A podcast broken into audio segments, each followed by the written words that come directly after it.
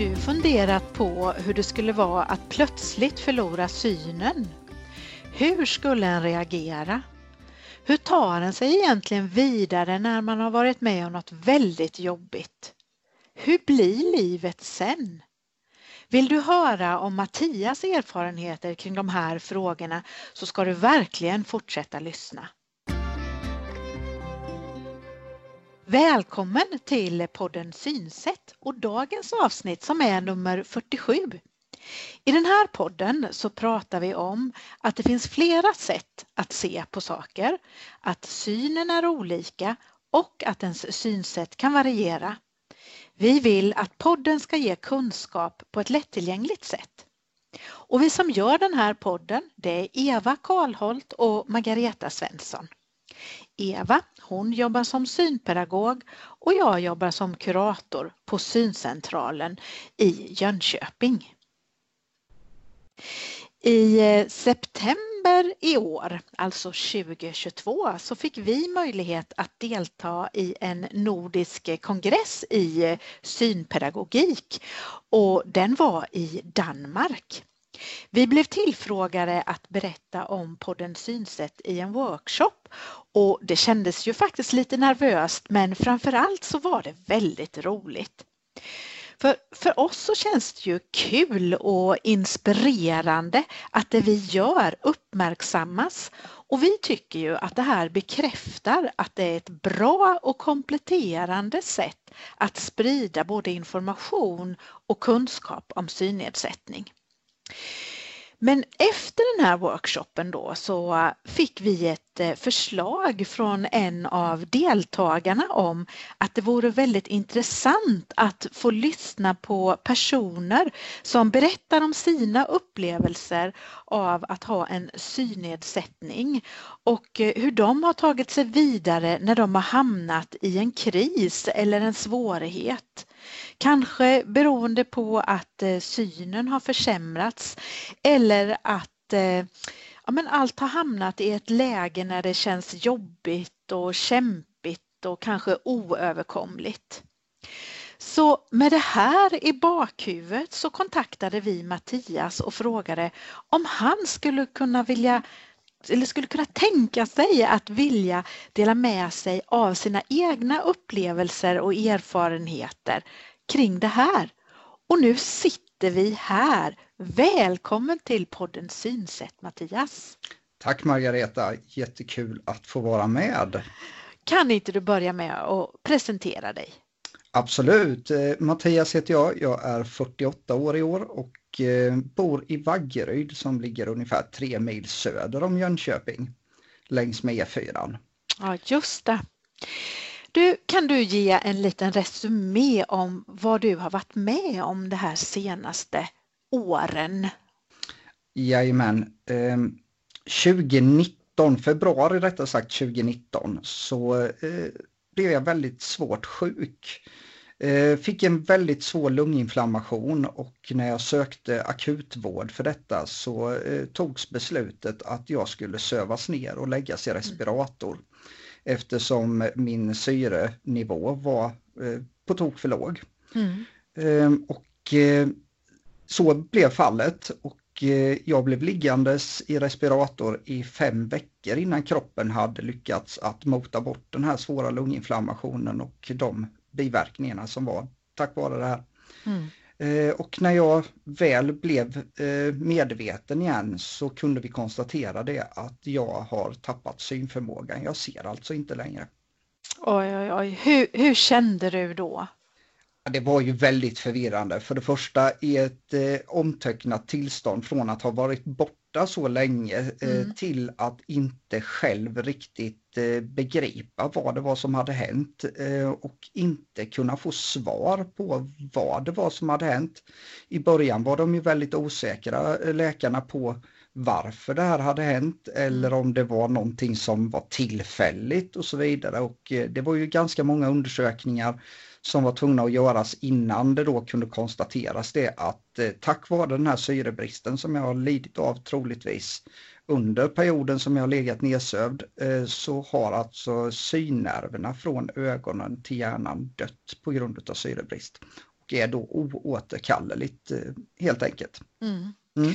Förstod du det då att det var oåterkalleligt eller hoppades du på att synen skulle komma tillbaka eller hur?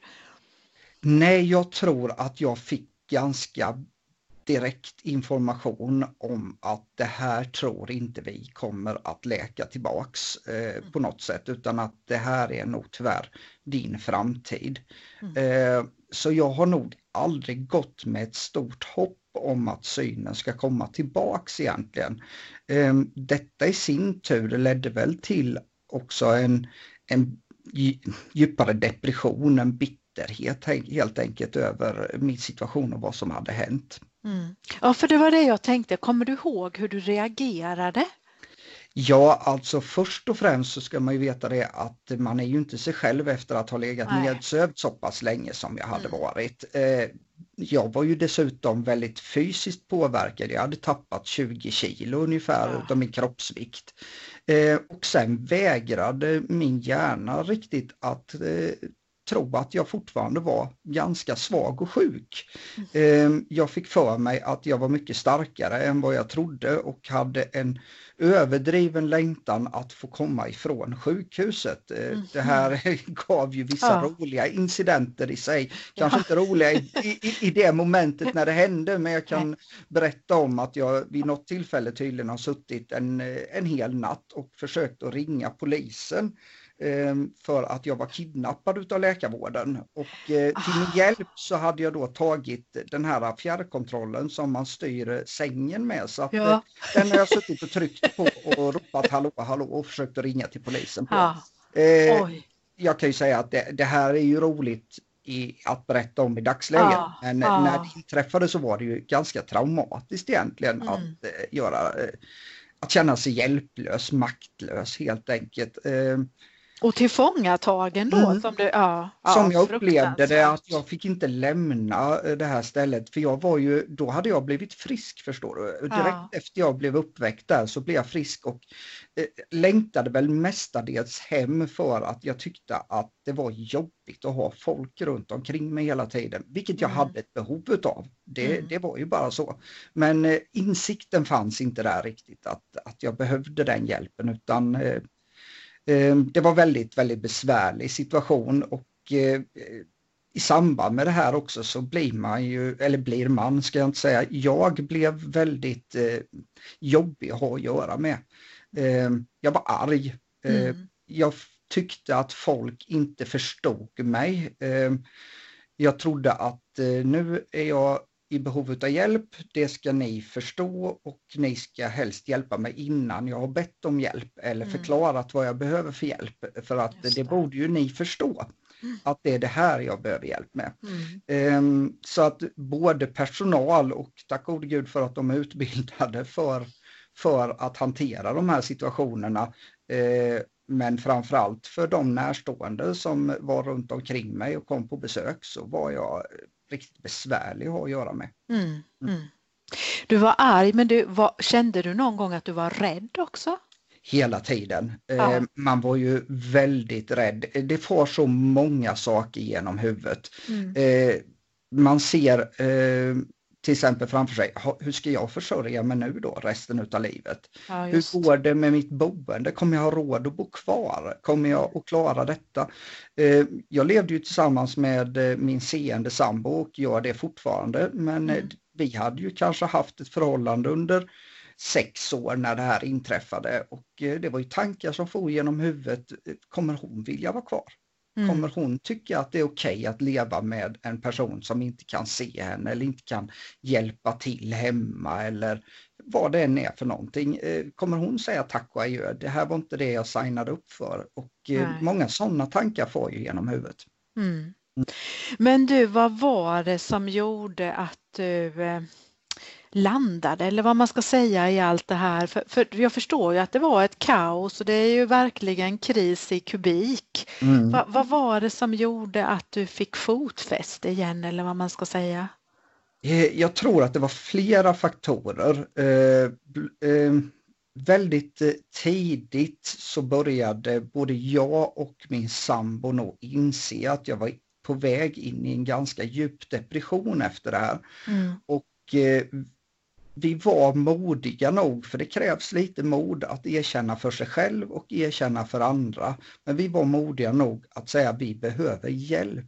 Mm. Och eh, det finns väldigt mycket hjälp man kan få. Man kan få hjälp eh, med kuratorer och man kan få stöd på olika sätt. Och eh, i mitt fall så fanns det till och med ett behov av att faktiskt medicinera mm. för att komma ur den här djupa depressionen depressionen var ju mycket handlade om det här med att ska det vara så här resten av livet? Ska mm. jag inte kunna se? Ska jag inte kunna ta hand om mig själv? Ska jag inte kunna göra det här och det här?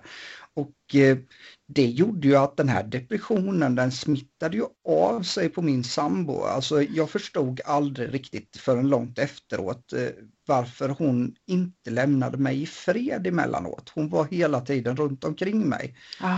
Men jag visade ju tendenser till att faktiskt inte vilja fortsätta leva.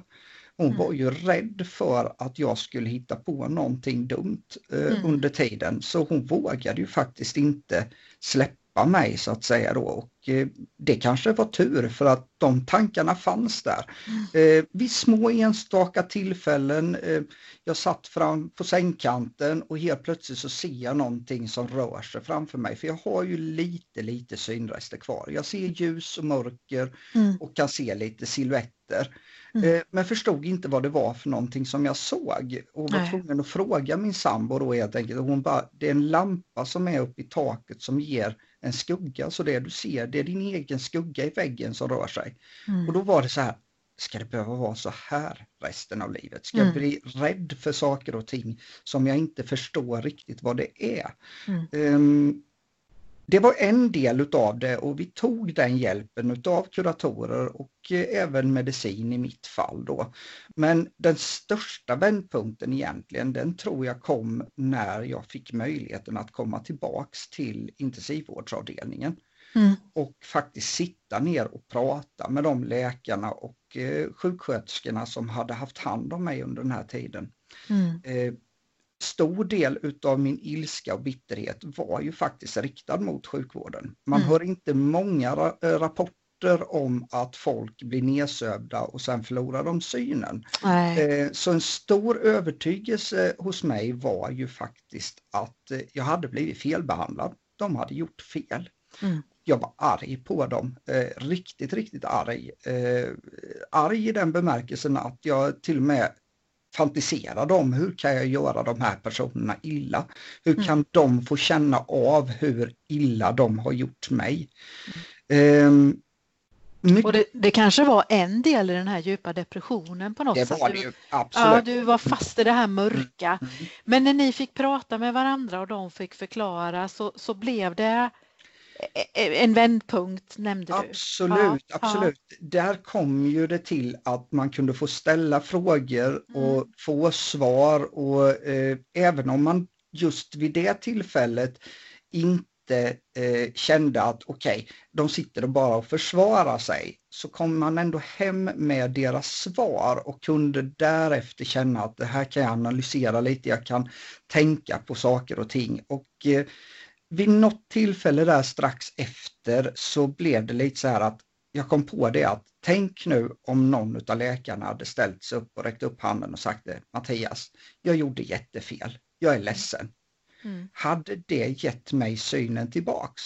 Mm. Nej, det hade ju inte gjort det. Och mm. där någonstans så var det det att okej, okay, ska jag fortsätta att springa omkring och vara arg och bitter resten av livet eller inte?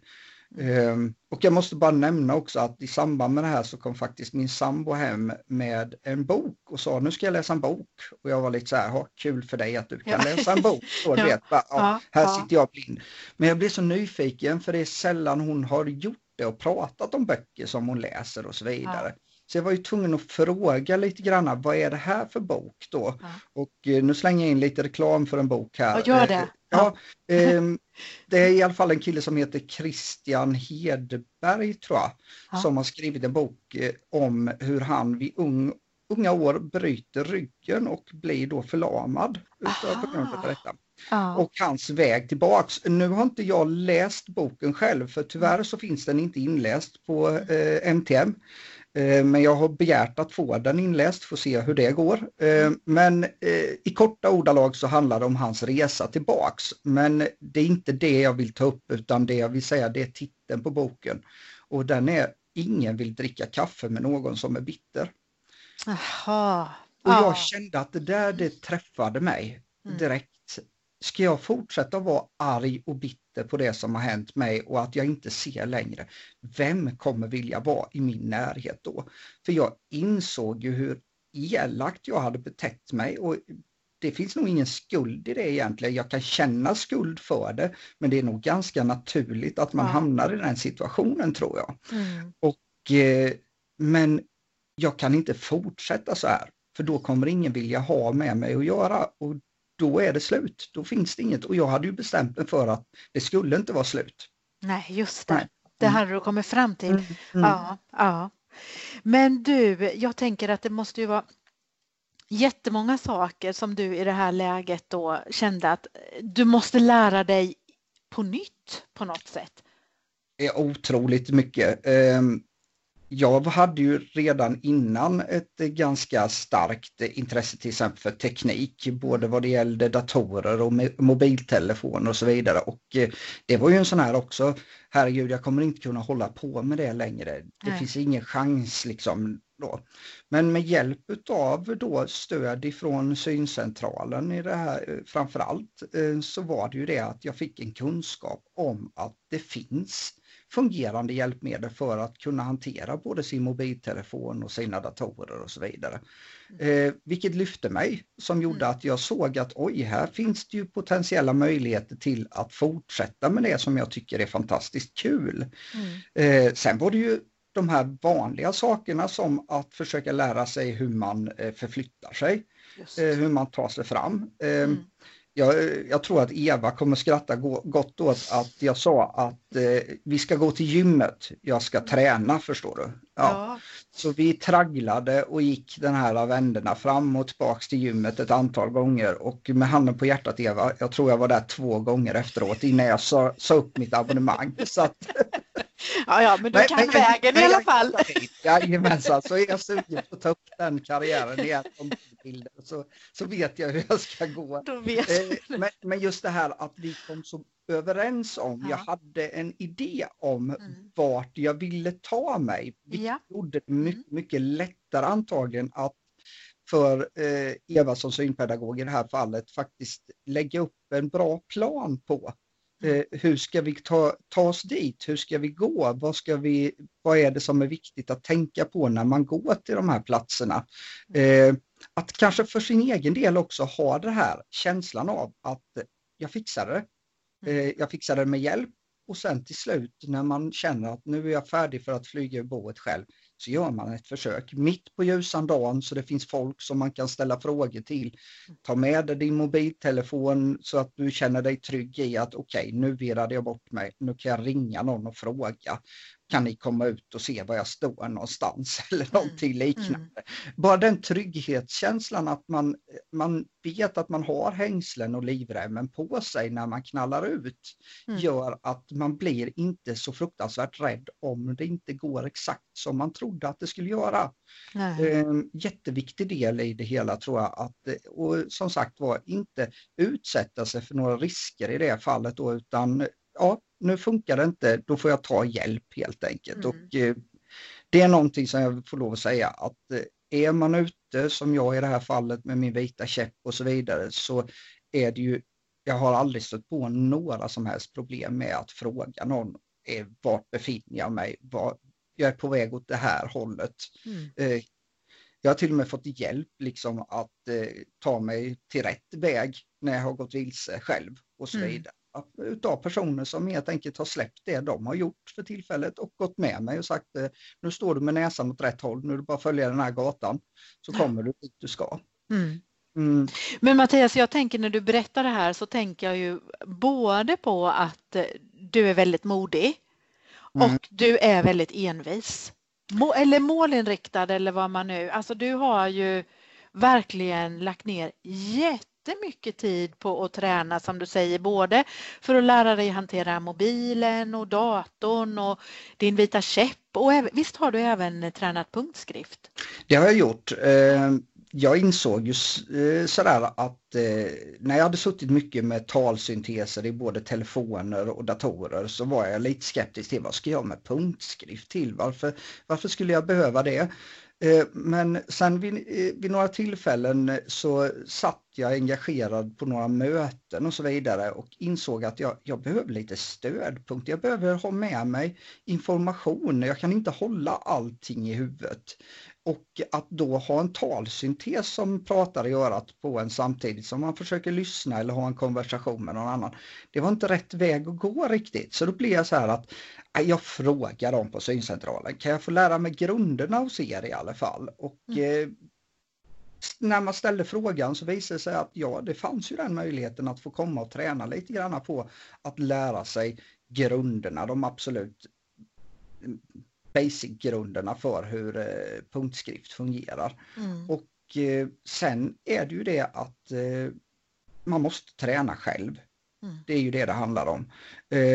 Men har, hittar man ett behov av det så är det ju definitivt enklare att motivera sig mm. att lära sig. Och jag säger väl som allt där att en stor motivationsgrej för mig, det har ju varit det att försöka klara så mycket som möjligt själv. Mm. Eh, sen är jag ju inte dummare än att är det någonting som jag inte klarar av helt och hållet så kan jag be om hjälp.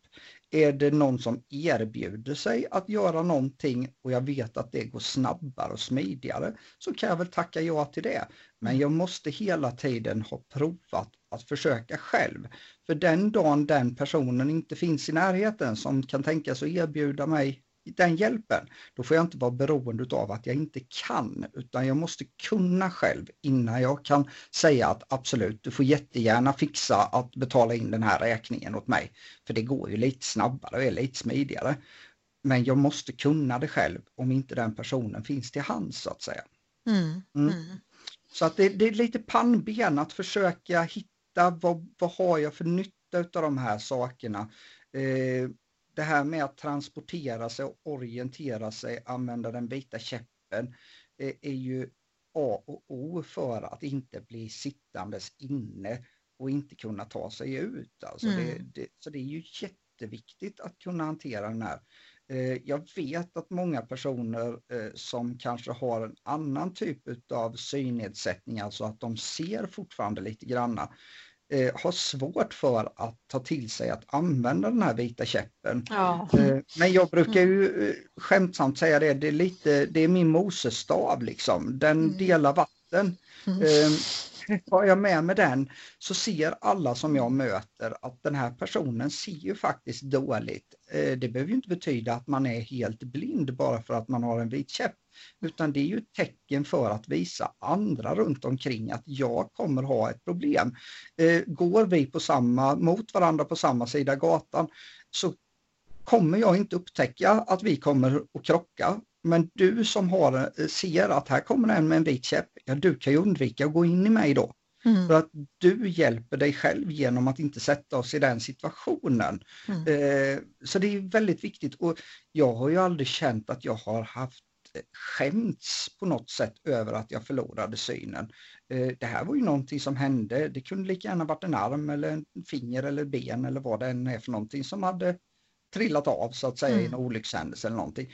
Ja. Du, det, det, jag tänker är lite typiskt för dig när du, mm. när du berättar om det här, det är ju också att du, du har bett om hjälp när du har känt att det här, det här, jag behöver prata med någon, vi behöver prata med någon, det här behöver jag hjälp med, jag måste kunna detta, jag vill kunna laga någon enklare mat, jag vill, det här måste Du har ju inte eh, vad säger man, du har ju inte backat för det utan du har ju varit, varit på, eller vad man ska säga. Ja, eh, absolut. Eh, där tror jag ju att eh, det har lite grann med eh, attityden att göra i det här fallet. Att, att ni eh, som har kunskapen som jag behöver, eh, ni kan inte förutsäga vad jag vill lära mig eller vad jag har för behov. Nej. Alltså måste jag vara den som är aktiv nog att tala om för er att det här är det jag behöver hjälp med, det här är det jag behöver lära mig.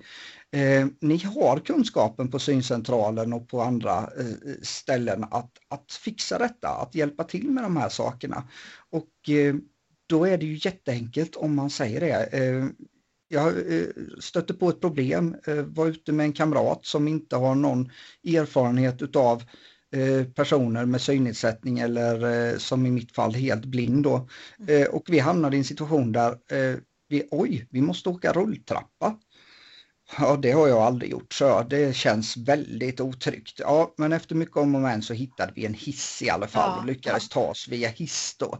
Ja. Eh, men så insåg jag ju att så kan jag inte ha det. Vi kan ju inte springa och leta hissar i, i 30 minuter för att se om vi kan ta oss. Jag måste ju lära mig att åka rulltrappa. och det räcker ju med telefonsamtal till syncentral och säga hej, du, alltså jag kommer på det, jag behöver lära mig hur man gör för att åka rulltrappa. Ja, så vi åkte upp och ner i rulltrappan på Jönköpings station i flera timmar, jag och Eva. Ja. Så det, men alltså det, det, var ju, då insåg jag att det här är någonting som jag kommer ha hjälp utav. Jag måste lära mig detta. Och eh, numera så är det ju inte ett hinder för mig att komma med vem som helst. Och mycket kan jag säga det bygger inte på enbart att jag ska få kunskapen om hur jag ska bete mig utan hur jag ska förklara för andra personer mm. att jag behöver, det här behöver jag veta. Mm. Jag behöver veta hur långt jag har kvar till den eller den punkten och så vidare. Jag behöver att du hjälper mig att tala om att jag sätter handen på rätt ställe och så vidare kanske då. Mm. Och eh, kan jag förmedla den informationen på ett vettigt sätt till en person som inte har eran utbildning så kommer det ju kännas tryggt för mig för då kan de ge mig den informationen. Mm. Eh, så fort vi har gått igenom och lärt mig det. Men mm. jag fick ju det genom er. Mm. Den, det sättet som ni förklarar för mig förklarar jag ju för andra personer också nu då när jag behöver den hjälpen. Mm. Mm. Så det blir, det blir dubbelt på något sätt. Det blir både det här där det dyker upp ett eh, bekymmer i vardagen. Mm. Oj, det här måste jag lära, dig, lära mig. Och mm. sen så där, där eh, Eva har lärt dig kan du använda för att lära din omgivning. Absolut, ja, och jag menar ja. Eh, bara en sån enkel sak som att gå ut och gå med, sin, med min sambo i det här fallet då. Mm jag förstår henne. Eh, I början så var det så här, ja du, nu kommer en kotte om fyra meter här, det är bäst att vi flyttar lite på oss eller sådär. Mm. Och till slut så, det var så mycket information så jag visste inte vad jag skulle göra av den. Mm. Eh, men efter att ha gått mer med Eva och gått själv och så vidare så kunde jag konstatera det att den här informationen ger hon mig när vi är ute och går. Mm. Och det är den jag behöver. Jag behöver inte veta att det ligger ett sugrör 5-10 meter längre fram som jag kommer kliva på, kanske. Nej. Eh, det är ointressant. Eh, det är sånt som händer. Eh, men som icke utbildad eller att hamna i den situationen att försöka ledsaga någon utan kunskapen. Du vet ju inte vad man behöver. Men först får jag den och sen kan jag sprida den vidare så att eh, där, där gör ni ju ett enormt jobb alltså på mm. syncentralen i det här fallet. Mm. Och du också. Alltså ja. jag tänker vilken resa det har varit både för dig och din sambo. Det är oh ja. helt otroligt. Kan du inte berätta om hur ser ditt liv ut idag? Mm. Eh, ganska strax efter jag hade, ja kan man nästan säga ett halvår eller ett år så kände jag det att jag måste ju hitta på någonting. Ha. Jag måste kunna försörja mig helt mm. enkelt. Mm. Eh, och eh, jag hade ju bara praktiska yrken med mig i mitt bagage. Jag var lastbilschaufför och, under många år och eh, elektriker på slutet utav mm. Eh, den karriären eh, innan synen försvann. Eh, och då var det ju datorer. Eh, mm. kontorsarbete. Kan jag utföra något kontorsarbete? Så jag hamnade först på Iris Hadar eh, genom Arbetsförmedlingen Försäkringskassan eh, där jag fick möjligheten att lära mig eh, datorer, talsynteser, eh, Office-paketet och så vidare. Och eh, efter det så sökte jag utbildning, en yrkeshögskoleutbildning som hette företagssäljare business to business. Och den gick jag i två år och jag tog examen i maj eh, 2022. Ja, och, grattis i ja, efterskott. Jättekul, ja, verkligen. Och ja. eh, nu sitter jag och eh, förhandlar och väntar på att eh, faktiskt få starta mitt första riktiga arbete som helt synskadad.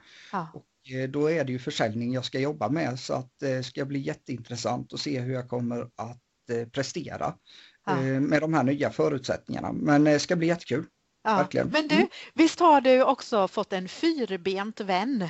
Jajamensan, eh, har ju ledarhund, ledarhunden Flisa, en ja. labra, labradortjej på snart fyra år. Ja. Och eh, Eh, jag har haft henne i nästan två år nu. Och eh, ja, enormt eh, härligt stöd att ha med sig.